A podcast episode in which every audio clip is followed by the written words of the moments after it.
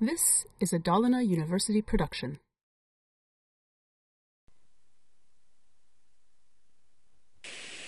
Här har vi en for-loop som ska summera alla jämna tal mellan 2 och 100.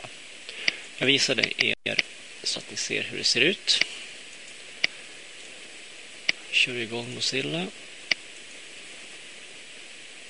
Och där har vi programmet som summerar alla jämna tal mellan 2 och 100 och summan är då 2555.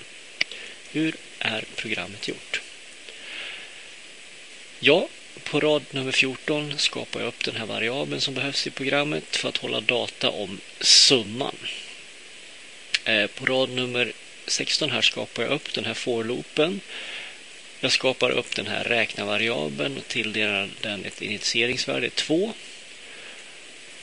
Villkoret, så länge som den här variabeln är mindre eller lika med 100 så ska vi köra programraden på rad 17. Här kommer någonting intressant. Eh, den här uppräkningen av variabeln number. Det står plus lika med 2. Vad fasiken betyder det då? Jo, det betyder att den tar och plussar på det värdet som finns i number med 2 och sen tilldelar den number det nya värdet.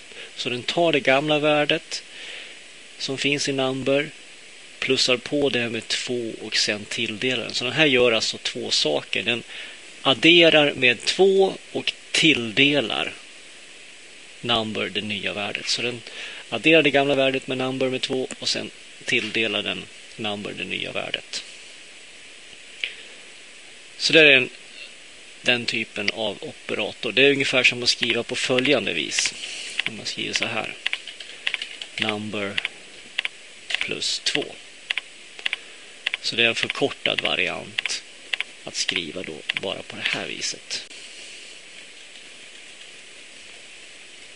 Rad nummer 17 här då, samma sak. Den adderar det värdet som finns i summan med det som number innehåller och så tilldelar den summan det nya värdet. Det är samma sak som man skriver på följande vis. Number plus sum på det sättet. Så då tar den det värde som finns i number, plussar på det som finns i sum och sen tilldelar sumvariabeln det nya värdet. Där har du lärt dig en förkortning. Så kör vi den här loopen. Och på rad nummer 19 och 20 så skriver vi till slut ut summan. Jag tycker att man kan lägga dit de här måsvingarna för att på ett klart sätt tala om vad som är forloopens kropp. Att det som körs mellan måsvingarna det är metodens kropp och det körs så länge som det här villkoret är sant. Okej, okay. vad var syftet med eh, det här exemplet? Jo, att visa operatorer plus lika med egentligen hur den används och fungerar. Och den fungerar så att den tar det tidigare värdet som finns i variabeln, plussar på med 2 och tilldelar sen number det nya värdet.